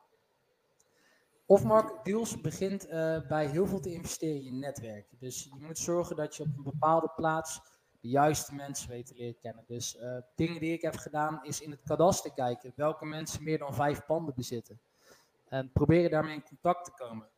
Ik ben altijd naar alle VVE-vergaderingen gegaan door alleen maar te connecten met de eigenaren van de appartementen. Uh, zorg dat je met de makelaars bevriend raakt. Dus als je een pand van hun koopt, bedank ze. Niet alleen door een hand te geven of een, uh, een virtuele hand op dit moment, maar neem ze mee uit eten en zorg dat je daar een avond mee doorbrengt, zodat je bevriend raakt met deze mensen.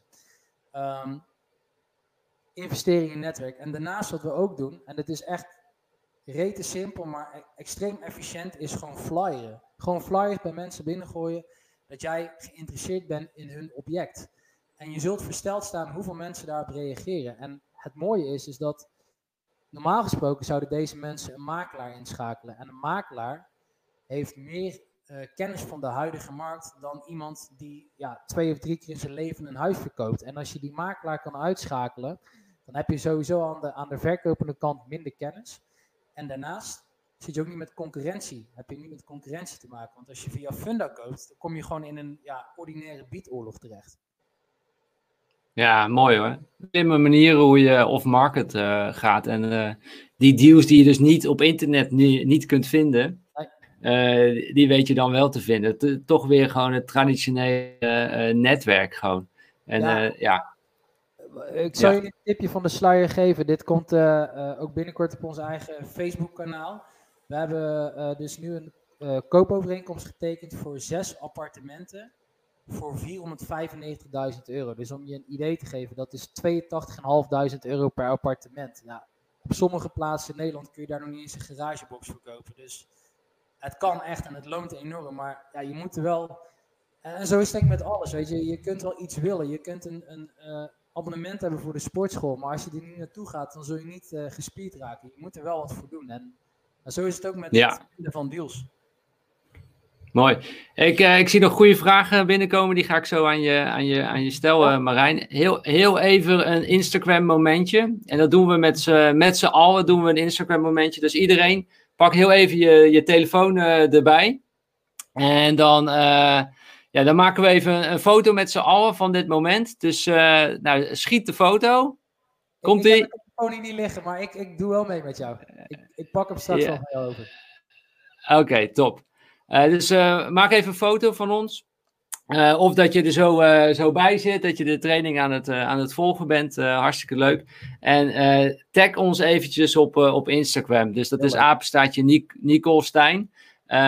tag ons even in je story of in, in een post. En dan zullen wij hem ook reposten voor je. dus doe dat eventjes. Dat vinden we, vinden we leuk als je dat zou willen, willen doen. En dan gaan we nu weer verder met, met, met de vragen. Um, ik, ik dacht zelf nog ook van, je hebt nu best wel veel panden in Vlissingen. Ja. Um, je bent best wel gecentraliseerd met al je aankopen in, in Vlissingen. Vind je dat, wil je dat meer gaan spreiden? Vind je dat niet een te groot risico, zeg maar, nu, dat je daar zo erg gevestigd zit? Ja, goede vraag. Um, een beetje tweeledig antwoord. Enerzijds vind ik dat je gelijk hebt. Hè. Je moet je niet alleen maar op één plaats focussen. Dus dat is ook zeker de strategie dat we wel uh, nog een tweede en een derde fort willen bouwen. Dus we willen een paar plaatsen hebben. Idealiter ook nog in verschillende provincies. Um, de ellende is, is dat je netwerk zo sterk is op één plaats. En dingen beginnen naar mij toe te komen in plaats van dat ik ze moet opzoeken. Dus als ik naar bijvoorbeeld Maastricht ga, dan moet ik er echt tussen komen door flyers te gaan gooien. En dat, dat is niet erg.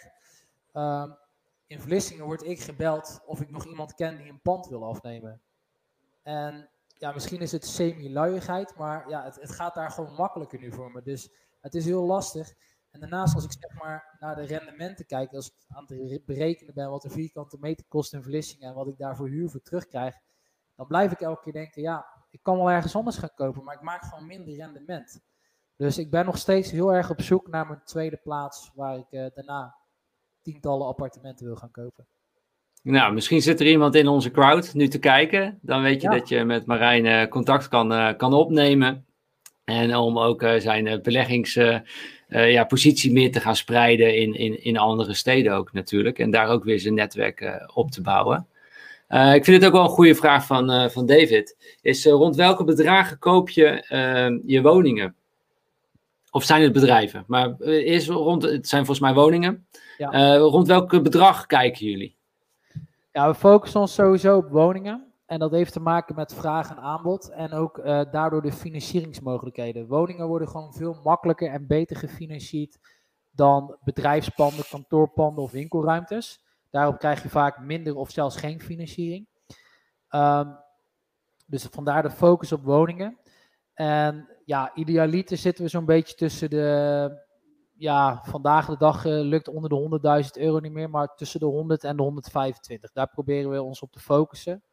Uh, kijk, en als je er meer in één keer koopt, kun je nog wel eens goed inkopen. Maar als je echt eentje te, tegelijk koopt, moet je daar wel mee rekenen. 100 tot 125.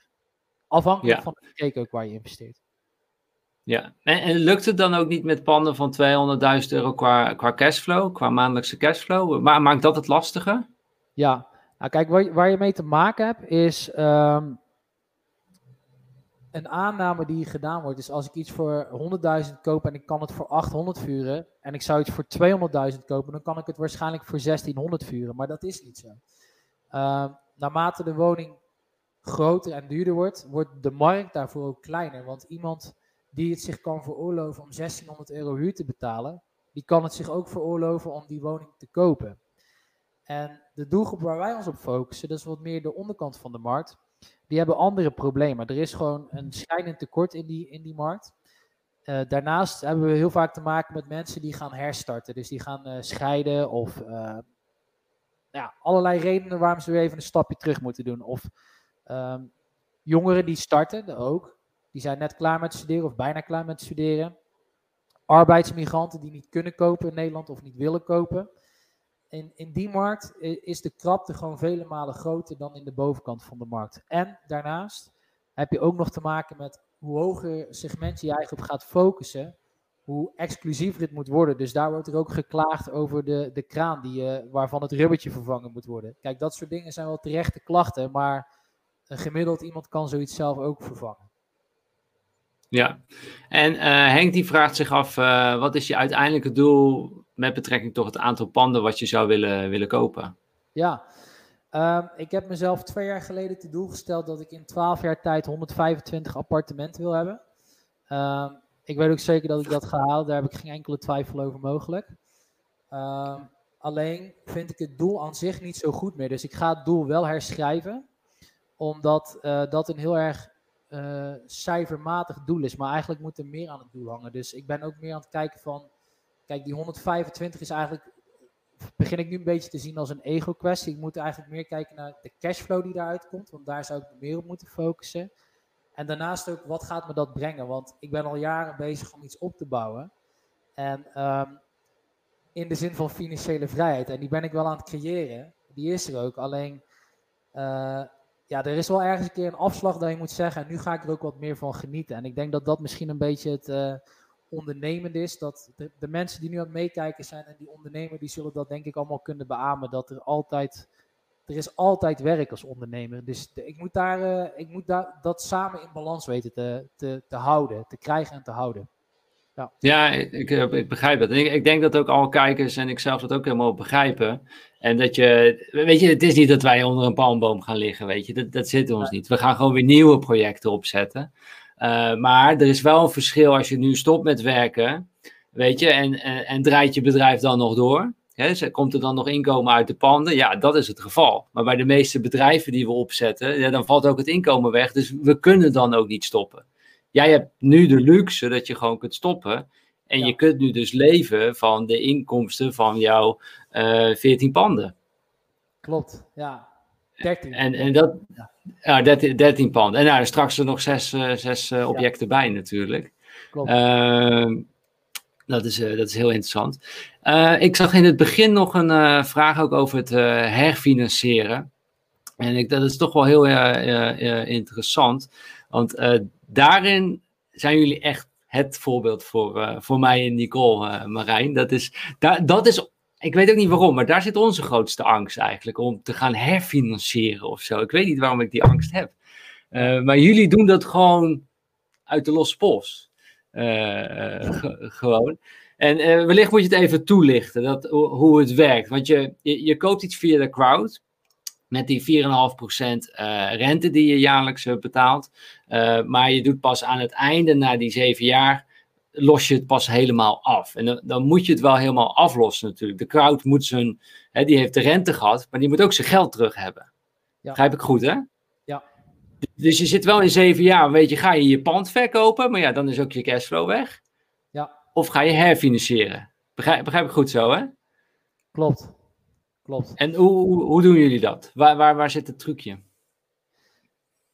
Nou ja, kijk, in, in de beginselen is de aflossingsdruk bij de crowd wat hoger. Dus je moet meer aflossen. Dus hun zeggen van, nou, als, je van die, als iets 100 waard is, 100.000, lenen wij maximaal 90.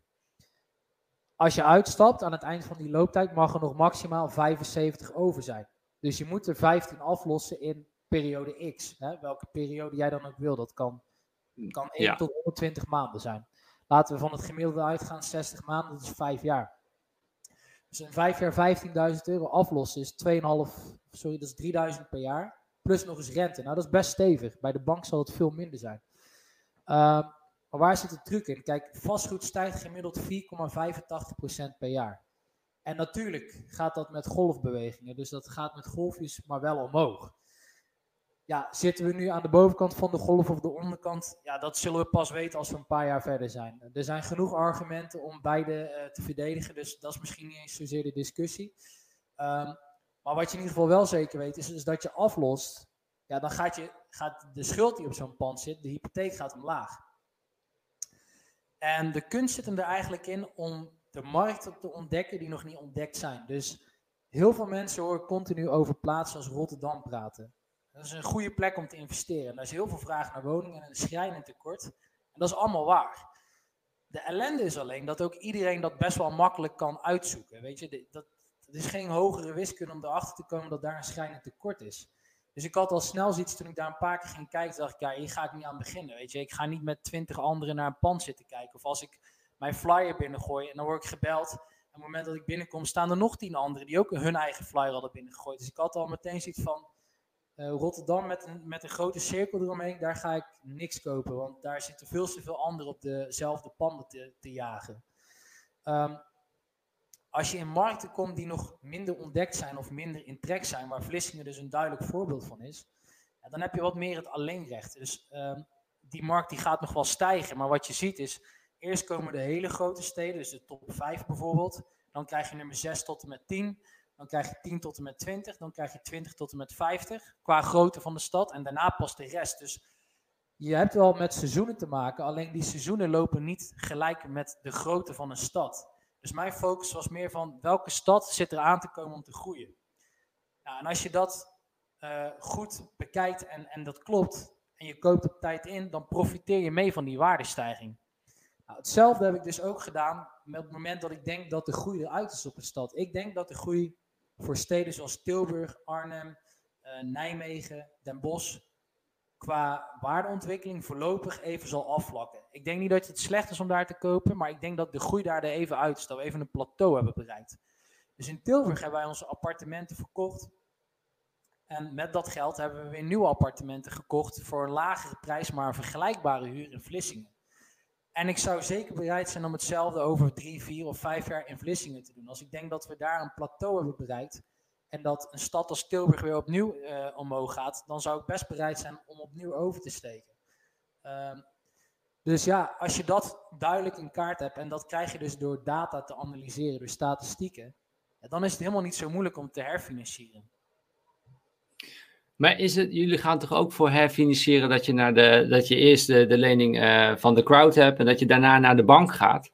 En dat de bank eigenlijk de lening overneemt. Die, die, die bedoelde ik eigenlijk, eigenlijk oh, meer. Dus dat je, dus dat je, hè, jullie, jullie doen vaak dus uh, herfinancieren. Uh, en dat houdt in, je hebt eerst de, de lening van de crowd gekregen. Uh, maar tussentijds gaan jullie naar de bank toe en dan laten jullie jullie pand opnieuw taxeren. En krijgen jullie nieuwe financiering en dan wel van de bank, toch? Ja, dat is ook een, uh, een goede vraag, netwerkkwestie. En toevallig hebben we dit ook vorige week afgerond. Dus de panden die we bij de crowd hebben gefinancierd zijn sinds vorige week, uh, volgens mij eind mei of twee weken geleden nu, zijn die overgegaan naar de bank. Dus die lopen nu niet meer bij de crowd. Wat wij hebben gedaan is inderdaad, hè, dus echt hoog gefinancierd bij de crowd. Flink aflossen, dus uh, kleine cashflow voor een jaar op die panden. Maar wel met de wetenschap van deze markt gaat stijgen, die markt gaat omhoog. En als die markt op een bepaald punt is gekomen, dan zit er ongeveer een gat van 20% overwaarde. En als dat gat er is, dan ben ik welkom bij de bank met die panden. Als ik die strategie niet was aangegaan en ik had een jaar geleden in elk pand 20 of 30% zelf ingebracht, dan hadden we toen geen 13 panden gehad, maar nu 6 of 7. En dan had ik die 6 of 7 panden nu ook wel kunnen herfinancieren. Maar dan had ik er misschien één of twee of drie bij kunnen kopen. Dan had ik nu tien gezeten. In plaats van dat ik er nu in één keer weer zes bij heb gekocht. En uh, ja, dat soort uh, investeringen, die moet je alleen doen als je ook gewoon echt goed weet waar je mee bezig bent. Als je weet van oké, deze markt zit eraan te komen, die markt zit op zijn hoogtepunt. Dus ja, ik, ik zeg het eigenlijk al heel de tijd, maar dat heeft echt met data te maken. Heel veel data. Nou ja, en, en, en kennis, weet je. Dit is, ja dit is niet wat je eventjes 1, 2, 3 doet, weet je. Dit gaat echt om, om, om kennis en ervaring. En, en, en dat is waarom jij en ik ook gewoon naar vastgoedcursussen gaan. Ja. En daar ook in, investeren, snap je? Dan is er zoveel mogelijk. Weet je, mensen laten uh, vertellen wel over je moet geld voor je laten werken. Maar ja, dit is echt hoe je het in de praktijk doet. Gewoon. En hoe, hoeveel, uh, hoeveel mensen dat, dat ook, uh, ook doen. Wat, uh, en en ik, ik zelf kan er nog veel in leren, weet je. Daarom dat ik je ook heb uitgenodigd. Ik vind dat ook ja. spannend, dat herfinancieren. En dat je eerst die grote uh, druk aangaat bij de crowd. Wel een heftige maandelijkse uh, aflossing natuurlijk. Ja. En natuurlijk kun je na even kun je het altijd nog het pand verkopen. En is de kans groot dat het, dat, dat allemaal dekt, weet je. Ja. maar ja, je moet, je moet het wel doen natuurlijk. Klopt, kijk, weet je hoe ik erin sta? En, uh, en uh, laat ik wel even vooropstellen dat dit geen advies is wat ik nu ga zeggen, maar dit is echt hoe ik in het leven sta. Ik denk echt oprecht dat er geen beter land is dan Nederland waar je failliet kan gaan. Dus als je het verpest, mag je toch weer opnieuw beginnen na een paar jaar. Je krijgt een tweede kans. Daarnaast ben ik 31, dus als ik nu al bang ben om risico's te nemen, dan ga ik ze de rest van mijn leven al helemaal niet meer nemen. Dus ik sta daar redelijk nuchter in. Ik weet ook dat ik familie heb die mij zal helpen als het fout zou gaan. Dus uh, ik probeer dat duiveltje continu weg te sturen. Weg met het duiveltje, we willen alleen vooruit kijken. En die negatieve gedachten proberen we achter ons te laten. Um, en daarbij... Maar het is, niet dat je roekeloos, het is niet dat je roekeloos te werk gaat, snap je? Nee, je, je gaat echt, jij krijgt een onderpand waarin alle mensen geld vragen voor een start-up. En dat het maar heel erg de vraag is of dat een succes gaat worden. Hè, want 9 van de start-ups gaat geen succes worden. Jij kiest voor een onderpand. En dat, dat behoudt sowieso 60% waarschijnlijk zijn waarde. Weet je, want dat is waarom banken, sommige banken, vastgoed financieren voor maar 60% van de taxatiewaarde, omdat ze nul risico lopen. Ja, ja, dat klopt. Kijk, en wat ik ook heb geleerd in de laatste jaren is dat wanneer de bank praat over eigen middelen, wat ze eigenlijk alleen maar bedoelen, en dit is echt voor degene die aantekeningen maken, dit zou ik echt even met hoofdletters opschrijven. Eigen middelen is eigenlijk een ander woord voor geld dat niet van de bank is. Dus even vereenvoudigd, als je iets voor 100 koopt en de bank zegt ik wil het 80 lenen, dan zeggen ze eigenlijk alleen die laatste 20 komt niet van ons. Ze zeggen daarmee helemaal niet dat die van jouw bankrekening moet komen. En als je die gedachte kunt toepassen van ik heb 100.000 nodig en ik heb er al 80 van de bank gehad, dan denk je alleen nog maar ik moet die andere 20 ook nog ergens vandaan halen. In plaats van ik moet eerst 20.000 euro sparen. Dat hoeft helemaal niet. Je moet alleen iemand anders vinden die die ook wil lenen. En Mooi, mooi inzicht. Mooi inzicht. Positief uitkomt. Dit, maar dit, dit, maar dit uh, versnelt het proces natuurlijk. Ja. Waar, waarin je altijd denkt van nee, ik moet er eerst zelf ook voor, uh, voor werken en zo. Is het nu van kijken van ja, je moet er wel voor werken. Maar je moet gaan kijken hoe kan ik die andere eigen middelen, de middelen niet van de bank, bij elkaar krijgen. Ja. En wellicht door, door, door crowdfunding. Uh, we kunnen nog uh, voor de kijkers één laatste rondje met vragen doen. Stel nog heel even je vraag even opnieuw. Want er, zijn zoveel vragen dat ik ze niet allemaal kan, kan, kan zien. Dus doe dat nu nog even. Dan hebben we nog, nog tien minuten om jullie vragen te, te beantwoorden. ik zie wel een vraag. Sowieso ja. iets tegen jou zeggen, Stijn. Um, ook omdat jij aangeeft hè, dat jullie moeite hebben om de volgende stap te maken. Of dat jullie zoekende zijn, zo zou ik het zeggen. ja. Hebben wij ook besloten dat wij jullie jij en Nicole samen, jullie mogen onze cursus gratis uh, uh, gaan deelnemen. Dus wow. Uh, interview ga ik je daar ook nog wat ja, over toelichten. Krijg je nou, even, dus dan, heb jij geen excuus? nee, ik heb geen excuus meer. Da da dankjewel, uh, dankjewel Marijn en Chantal daarvoor. Wat een, wat een, wat een eer. En wat, wat een wijstof. ja, sprakeloos. dankjewel. Um, Even kijken, Mark die vraagt zich nog af. Um, het is op zich ook wel interessant. Je geeft aan dat je voor de 100 à 125k uh, woningen koopt. Uh, zit je met hoge huren, niet met het puntensysteem. Hoe ga je hiermee om? Ja, goede vraag Mark. Uh, ja. Kijk, daar zijn meerdere manieren om dat te omzeilen. Dat sowieso. Dus dat is ook iets wat we leren in onze cursus hoe je toch meer huur kan vragen dat je volgens de puntentelling mag. Als je inderdaad een huurder hebt die naar de huurcommissie zou stappen, loop je inderdaad het risico dat je het te veel betaalde stukje huur terug moet betalen. Um, alleen daar moet je in, je moet leren om daarin omgedraaid te denken. Wat nou als je tien panden hebt waarvan je bij alle tien volgens de puntentelling te veel huur vraagt? En, en laat ik even vooropstellen dat dat jou geen crimineel maakt. Als je de rood rijdt ben je ook geen crimineel. En hetzelfde geldt voor als je te veel huur vraagt volgens de puntentelling. Dan, ja, dat mag niet, maar je krijgt er geen strafblad voor, je krijgt er geen boete voor. Je krijgt er eigenlijk helemaal geen enkele straf voor. Uh, daarnaast, hè, naar mijn morele waarde, denk ik dat het verantwoord is. Als de markt een bepaalde prijs aangaat, dan kun je daarin meegaan. Um, maar laten we heel negatief denken en ervan uitgaan dat één van jouw tien huurders naar de huurcommissie stapt. En in plaats van 850 euro mag hij eigenlijk maar 650 betalen. Dan ga je dus op dat pand 200 euro per maand omlaag. Alleen hoe je ook kunt denken, in, bij de aanvang, bij de aankoop, wat nou als ik een huurder heb die naar de huurcommissie gaat en die moet elke maand in plaats van 850 gaat hij 650 betalen is mijn rendement dan ook nog goed? En als het antwoord daarop ja is, dan is die laatste 200 bonus als je niet naar de huurcommissie stapt.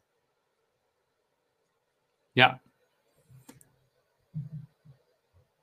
En nog een vraag van, uh, van Ruud. Kun je door middel van crowd eigen geld inbrengen? Kijk, hele goede, slimme vraag van Ruud. Die zit dan gelijk uh, in de denkmodus. Dat vind ik leuk om te zien. Hele goede vraag. Um, dat kan. Daar zitten wel wat meer haken en ogen aan. Ik heb er zelf een paar keer over nagedacht om het te doen. Ik heb het uiteindelijk niet gedaan. uh, omdat de rentes die je dan moet bieden vele malen hoger worden. Want in dit geval ehm, is er geen onderpand meer. Dus er zijn geen zekerheden meer voor de crowd. Dus je gaat dan al gauw naar de 9, 10 of 11 procent. En dit moet je dus wel in één keer gaan aflossen. Dus je kunt niet aflossingsvrij gaan lenen. Stel je voor dat je 100.000 euro leent voor 10 jaar, moet je 10.000 euro per jaar terugbetalen plus rente. Ja, dan moet je wel echt super goed aankopen. Wil jij uh, ja, cashflow technisch nog goed uitkomen? En voor mij was het zo'n punt dat ik dacht van nou, ik, ik zit al gewoon uh, hoog in de financieringen. Als ik dat er nog bij ga doen, dan weet ik niet of ik daar zelf nog achter sta. Dus ik heb besloten om het niet te doen. Ik vond dat uh, too much. Wat ik wel heb gedaan, is in plaats van eigen middelen bij de crowdlenen, heb ik eigen middelen bij de bank geleend. Dus ik ben bij de ene bank heb ik een privélening aangegaan. Heel hypocriet, maar dan moet je dus aangeven dat je het niet gebruikt om te investeren. Dus een boot kopen of je huis verbouwen is wel goed, maar investeren mag niet. Dus daar heb ik wel een klein beetje gejokt, dat moet ik toegeven. Want ik heb het wel geïnvesteerd.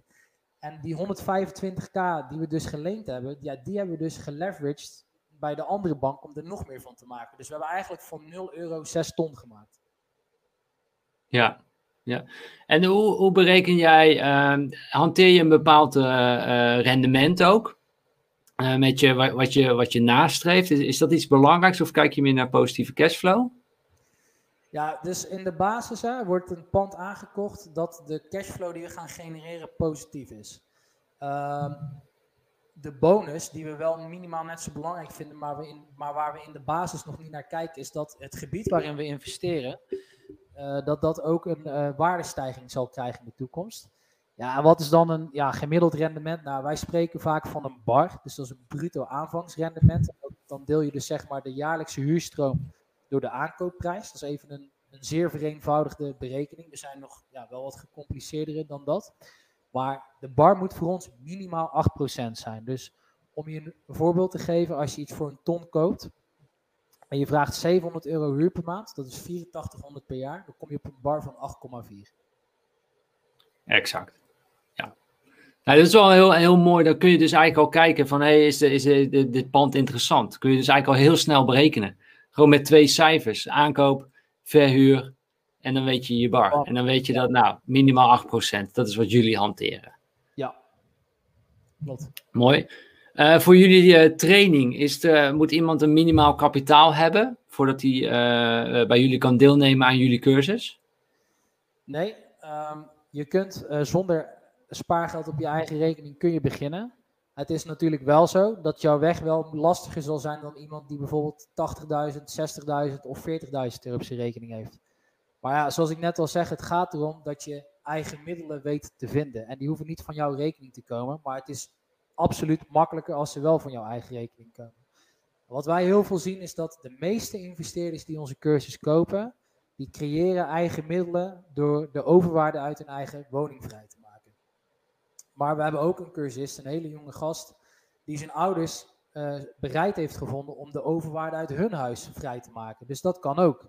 Weet je, als je ouders hebt die, daar, die dat zelf niet willen doen, maar die je gewoon een leuke rente kan geven van bijvoorbeeld 5%, terwijl ze de overwaarde zelf bij de bank financieren tegen 1,5, dan verdienen zij er ook wat aan. Dus ook daarin uh, zul je creatief moeten zijn. En uh, Marijn, wij hebben hier het huis in Malaga gekocht. Uh, we hebben het gekocht en we hebben het verbouwd. Ik denk dat als ik kijk bij de buren, dat de prijzen die zijn enorm uh, gestegen. Dus dat als we het opnieuw laten taxeren, dat we wellicht ook een overwaarde hebben. Zo, sowieso een overwaarde op de, de, de aankoop, want de verbouwing hebben wij gewoon zelf helemaal gefinancierd zonder lening. Ehm, zou ik dat in Nederland kunnen investeren of alleen in, in Spanje? Die, de, de overwaarde als ik dat zou krijgen. Van een Spaanse bank is het. Ja, ja, vind ik wel een moeilijke vraag, omdat ik natuurlijk geen inzicht heb op uh, hoe de Spaanse banken werken. Maar feitelijk, uh, kijk, zij vestigen een hypotheek op jouw woning. Althans, zo, zo gaat het in ieder geval in Nederland. Dus als de taxateur ja. zegt, woning is 2 ton waard, er zit nu 1 ton hypotheek op, we gaan hem verhogen naar 2 ton, die hypotheek, ja, dan komt er 100.000 euro op jouw rekening. En het zou wel gek zijn dat de bank daar nog bepaalde eisen over kan hebben. Want zij hebben alle zekerheid op een pand dat die twee ton dekt. Dus logischerwijs zou ik het heel raar vinden dat zij daar een gedachte bij hebben waar die ton naartoe gaat. Weet je, al, ja, al geef je het aan onzin uit, dat is jouw eigen... Je, je hoeft je niet te verantwoorden in Nederland wat je uh, doet met die, uh, met die overwaarde. Nee, hoeft niet. Nee. Kijk. Ja. De, de, nou, dat, de, de, het onderpand vertegenwoordigt die waarde, dus zij lopen geen risico. Ja, en natuurlijk verandert wel mijn maandelijkse uh, uh, rente die ik moet betalen aan de bank, mijn, de aflossing, omdat ik nu meer hypotheek heb. Dus ja. uh, daar moet ik wel rekening mee houden. Dus het is wel slim om het weer te herinvesteren in iets wat meer cashflow oplevert dan wat ik aan de bank moet betalen. Ja, dat is zo. Alleen er zijn ook mensen die zeggen van ah, ik wil eerst nog even uh, een nieuwe keuken of een nieuwe, nou ja, whatever. En dan uh, als van die 50.000 of 40 op zijn, denken ze, oh ja, shit, we moesten eigenlijk nog investeren. Maar dat zijn waarschijnlijk niet de mensen die mijn cursus ooit gekocht hebben of die nu meekijken. Dus die, uh, dat zijn mensen met een andere mindset. Ja, uh, nou, wat heel leuk om uh, te zien is dat uh, Monica, die heeft zich zojuist ook, ook ingeschreven. Oh. Nou, welkom Achiever. Helemaal, helemaal top. Ja. Dankjewel voor het delen, Chantalle. Um, Brandon, die vraagt zich af, wat is makkelijker om te beginnen? huizen of appartementen? Hele goede vraag, Brandon. Dat wil ik even voorop stellen. ook een, een, vraag die veel, veel gesteld wordt aan beide zitten wat voor- en nadelen. Kijk, als je een huis hebt, dan ben je volledig eigenaar. Dus eigenaar van de grond, van, ja, van alles. Gewoon, het is helemaal van jou. En het voordeel daarvan is, is dat je met niemand wat hoeft te delen. En dat is ook weer gelijk het nadeel. En ik zal daar iets dieper op ingaan. En dan begrijp je ook waarom wij ons op appartementen focussen. Kijk, het doel is om 125 appartementen te krijgen. En dat doel, hè, zoals ik eerder heb gezegd, moet nog wat uh, verder gespecificeerd worden nu. Maar om dat doel aan zich te kunnen bereiken, en ook al is dat voor jou bijvoorbeeld 10 of 20, uh, ehm, zullen dingen, moet je bepaalde systemen creëren. Nou, en als je dus huizen hebt waarin huurders wonen, is de kans groot dat huurders storingen gaan melden als ze actueel zijn geworden, in plaats van voordat ze actueel gaan worden. In een appartementencomplex heb je met eigenaren te maken. En de betrokkenheid van een eigenaar is anders dan van een huurder. Dus een eigenaar die gaat klagen als die denkt dat het dak gaat lekken. Een huurder gaat klagen als het dak lekt. Dus je kunt veel meer voorkomen dan genezen. Om zoveel panden te kunnen hebben, heb ik geen tijd om inspecties te gaan uitvoeren. Om te kijken of de fundering niet verrot is. Of, uh, nou, noem het maar op. Of de kozijnen, daar wil ik helemaal niet over nadenken. Ik wil alleen maar nadenken, waar kan ik goedkoop kopen en hoog verhuren. Waar kan ik goede huurders vinden? Waar kan ik een goede lening krijgen? Daar wil ik over nadenken. Dingen die ik gewoon vanuit, vanuit waar ik nu zit kan regelen. Kijk, kozijnen, daar moet ik fysiek voor naartoe gaan om te checken of dat goed is. En dan kun je stellen van, ja, maar daar kun je ook mensen voor inhuren die dat voor jou doen. En dat is ook waar. Alleen, ja, ik, ik geloof erin dat ik heel veel op deze manier zelf kan beheersen en controleren. En ik heb, ik heb ook een bedrijf met personeel, dus ik weet ook hoe dat is. Het is toch een beetje een andere tak van sport. Dus ik probeer nu wat meer controle zelf te houden, voor zover dat het mogelijk is. En met die filosofie uh, wil ik me vooral blijven focussen op appartementen. En uh, secundair ook... Dus jij gaat, altijd, jij gaat altijd naar de VVE? Altijd niet meer, omdat het er nu te veel worden. maar daar hou je wel je informatie over het pand. En dan eh, via de andere eigenaren. En er zit altijd wel zo'n eigenaar bij die alles tot in de puntjes uitzoekt. En die dat voor is. En die dat al dat werk doet. Uh, ik weet toevallig dat mijn vader zit te kijken en die, die is zo iemand. dus die, uh, ja, die is dat gewoon voor. Die, wil ook, die denkt ook preventief gewoon. Ja. En uh, ja, dat is mooi. Kijk, als, jij, tien als jouw doel is om tien panden te hebben en niet meer, dan kun je misschien wel overwegen als dat ook nog enigszins op een bepaalde afstand is om huizen te kopen. Wel met de wetenschap dat je iets meer onderhoud hebt, maar ook zeker meer rendement. Je hebt geen kosten aan de vereniging van eigenaren, want degene die de vereniging beheert, ook voor hem zit daar een verdienmodel in, dus daar wordt ook voor betaald. Ik heb daar geen moeite mee, want het is niet mijn tijd die erin zit. Uh, maar die Juist. kosten kun je besparen. Je kunt zelf besluiten of je je woning wil verbeteren. Bij een appartement, ja, dat doe je met z'n allen of niet. Dus als er nieuwe kozijnen inkomen, dan is dat voor iedereen of voor niemand. En als je het dan toch wil, ja, dan wordt het op eigen initiatief. Maar dat gaat natuurlijk weer wrijven met het feit dat je al geld aan het reserveren bent daarvoor. Dus er zitten natuurlijk ook echt wel nadelen aan. Maar ik denk in de, in de gedachtegang van groot worden, denk ik dat appartementen makkelijker zijn. En, en secundair, de vraag naar, naar kleine woonruimtes zal alleen maar toenemen. En dat heeft te maken met dat mensen ouder worden. En als mensen ouder worden, willen ze kleiner wonen. Ehm, eh, meer mensen scheiden en jongeren blijven steeds langer alleen. Dus vroeger, onze ouders, die waren waarschijnlijk getrouwd en hadden ons toen we uh, toen ze ergens tussen de 20 en 25 waren. De gemiddelde 25-jarige die begint aan zijn tiende studie, omdat hij nog steeds niet weet wat hij wil doen. Dus mensen blijven veel langer alleen wonen. En daardoor is de druk op kleine ruimtes veel groter dan op grote ruimtes. Mooi zichten, Marijn. Echt uh, geweldig. Ik vind dit ook een, uh, een interessant van, uh, vraag van, van Martin. heb je een constructie om je kids al mede-eigenaar te laten worden van je panden? Ja, Martin, ook jij stelt een hele goede vraag. en ik moet eerlijk bekennen dat ik daar echt meer tijd in moet gaan stoppen. Dat heb ik nog niet gedaan, omdat ik zo druk ben geweest om het te laten groeien. Ehm, ik heb al wel links en rechtsom heb ik al een paar gesprekken gehad met notarissen, want die weten hier echt heel veel van. En ehm, ja, er zijn verschillende constructies. Ik ben er nog niet helemaal aan uit, maar dat zijn wel dingen die wij uh, zeker te weten beter moeten regelen dan we nu hebben gedaan.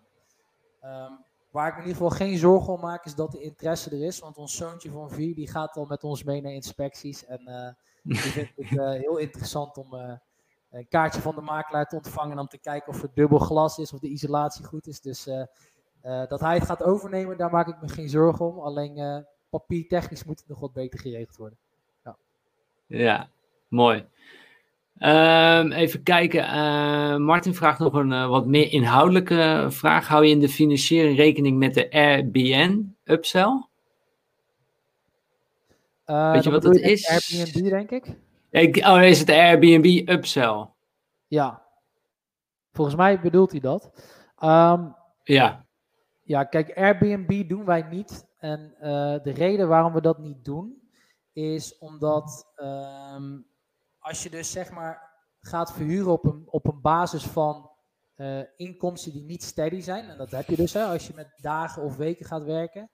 Nou, dat is wat wij hier in, in, in Malaga doen. Ja, ja, uh, Maar dat, dat, ook, dat heeft wel zijn nadelen, weet je. Wij mogen de, de inkomsten uit onze uh, verhuur, kunnen wij niet zien als inkomen, zeg maar. En daar dan weer een hypotheek op vragen. Omdat het korte termijn onzeker is. Ja. Ja, je ziet het nu ook met corona. Het is ook onzeker. Weet je, longterm moeten mensen nog steeds wonen. Ja. Maar ze huren niet natuurlijk. Ze mogen niet huren. Dat is weer in juli van, in Spanje. Nou, je hebt eigenlijk het antwoord al gegeven. Dat is ook zo. Uh, de financierbaarheid is het probleem. Uh, en uh, ik had het al eerder gezegd, hè, bij winkelpanden krijg je bijna geen financiering. Vind ik ook overigens een slechte investeringsstrategie eh, om die te kopen. Ehm, kantoorpanden is lastig en vakantiehuizen is bijna niet te doen. Dus als jij bijvoorbeeld in, in Oostenrijk, daar heb ik voor mezelf wel eens naar gekeken. Ik vind windsport erg leuk om te doen dan krijg je echt maximaal 50% financiering. Maximaal. Dus ja, dat is. Als het echt uh, gaat om geld eraan te verdienen, dus niet om zelf te wonen, zou ik het niet doen. Ook al kun je er meer mee verdienen, omdat er zoveel eigen geld in gaat zitten, is het rendement op eigen vermogen niet zo interessant meer. Ja, en dat, hebben wij exact hier gemerkt, uh, Marijn. Om, ja, wij hebben gewoon 50% zelf moeten betalen van het huis. Ehm, eh, dus ja, de, het rendement op je, op je eigen geld is daardoor uh, stukken lager. Uh, voordeel is wel, we hebben een hele lage hypotheek en eh, we kunnen zelf hier heel goedkoop wonen als we het niet verhuren natuurlijk. Maar het is geen, dit, dit kun je niet tien keer doen, weet je, wat wij, wij hebben gedaan. Dat is ja. Dat, ehm, ik, ik denk dat in jullie geval vind ik het wel verstandig, want dit, hier, dit is een emotionele aankoop. Ik denk dat je die ook moet kunnen scheiden met een zakelijke aankoop. Dus ja. Uh, jij, jij hebt dat ook gekocht met de gedachte van, ik vind het fantastisch om hier te wonen. Ja, dan, dan is eigenlijk geen prijs te hoog daarvoor. Want dat is nee, nee, ja. Nee, dat, klopt. En weet je, en we, we kunnen nu in deze wijk wonen 50 meter van het strand. We kunnen niet meer voor onze hypotheek, kan je hier niet meer huren. Dat is gewoon niet meer uh, niet mogelijk. Die prijzen zijn zo enorm gestegen. Uh, dus in, in die zin is dat fijn. Alleen het zet ons wel klem dat we daardoor nu minder eigen geld hebben. Eh, maar ja, dat heb je al onderuit gehaald eigenlijk in deze sessie. Uh, dat dat uh, geen, geen excuses meer mag, mag zijn, geen belemmering meer van ons mag zijn gewoon. Nee.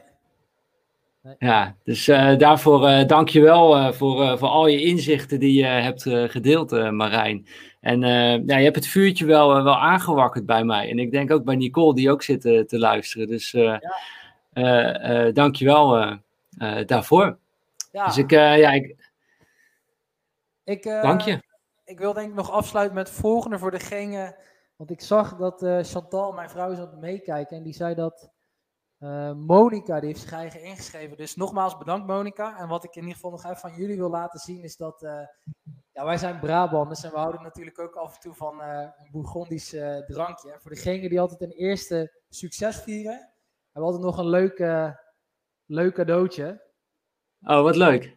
De IBO-fles. Dus uh, Monika, zodra jij jouw eerste aankoop hebt, uh, dan verwachten we natuurlijk dat we jou die fles zien openmaken. En misschien is het wel leuk als je het ook met de Follow Your Wind community kan delen. Ja, dat zouden we onwijs leuk vinden natuurlijk. Dus wat leuk dat, dat bij de eerste aankoop Monika die fles gaat, gaat krijgen. ik wil iedereen weer bedanken voor het kijken. Volgende week ook weer een, een interessante uitzending. We gaan het dan hebben over, ik heb iemand uitgenodigd. En uh, die, nou ja, die, die koopt dus aandelen. En we gaan het hebben over leven van je dividend. Dus leven van, je, van de aandelen, van de dividend op je, op je aandelen. En hij heeft daar een, een hele mooie strategie voor gemaakt hoe hij dat aan, het, aan het doen is. hij gaat delen met je in welke aandelen hij koopt, waarom. hij heeft ook een aantal groeiaandelen die hij koopt. En hij is heel open in zijn strategie. Want je kunt zijn strategie ook gewoon op internet volgen. Dus hij uh, heeft daar ook een podcast over iedere, iedere week. Maar uh, volgende week is hij dus bij ons in de uitzending. En komt hij daar uh, meer over vertellen. Hoe je kunt leven van je dividend op, op, de, op de aandelen. Dus eigenlijk ga je ook leven van het, het rendement op je vermogen. dus volgende week weer, vrijdag 12 juni. Dan, dan zijn we er met, met, met Pim. Uh, voor nu, als je dit een uh, interessante uitzending uh, vond, dan heb ik nog één ding wat ik graag aan je zou willen, willen vragen. En daar, daar, daar komt hij weer. Oh shit, er zit iets voor nou. Die kunnen jullie niet zien. ik, lo ik loop meteen te vloeken, dat mag natuurlijk niet. Ik, ja, ik, het is de eerste keer dat ik hem natuurlijk heb, deze, deze banner. Ik, ik ga hem nog een keertje inzetten, maar we zouden het heel leuk vinden als jullie even een duimpje onder deze video geven. En dat je natuurlijk ook abonneert op dit uh, kanaal. Uh, ook op dat belletje en dan op alles. Dan ontvang je uh, alle nieuwe video's. En we maken nagenoeg iedere dag een nieuwe video voor jou. Om je bij te spijkeren op, op investeren, beleggen en online ondernemen. Dus dat zouden we heel erg leuk vinden als je dat zou willen doen. Een stukje waardering naar ons. En dankjewel voor het, voor het kijken natuurlijk. Even kijken, ik zit nog even te kijken. Edwin, super interessante episode, zegt hij. Uh, en hij zegt ook altijd gezellig met, uh, met Brabanders. Michel zegt uh, bedankt. Henk, heel erg bedankt. Was erg interessant. Odette, zeer interessant. En dank voor alle info. David, ik weet dat hij op dit moment in Portugal is. Ook kitesurfer. Top sessie. Ja, een top sessie inderdaad. thanks Marijn. Margriet, leuk dat je er weer bij was. dankjewel voor een interessante live show nou, top om dit uh, al, al terug te zien uh, van, van jullie. Nogmaals, bedankt dat jullie er waren. En ik zou zeggen tot ehm, volgende week vrijdag 12 juni. Leven van je dividend. Daar gaan we het dan over, over hebben. En Marijn, blijf eventjes hangen. Dan spreken wij elkaar in, in deze ruimte nog even offline. Tot zo. Ciao. Hoi hoi.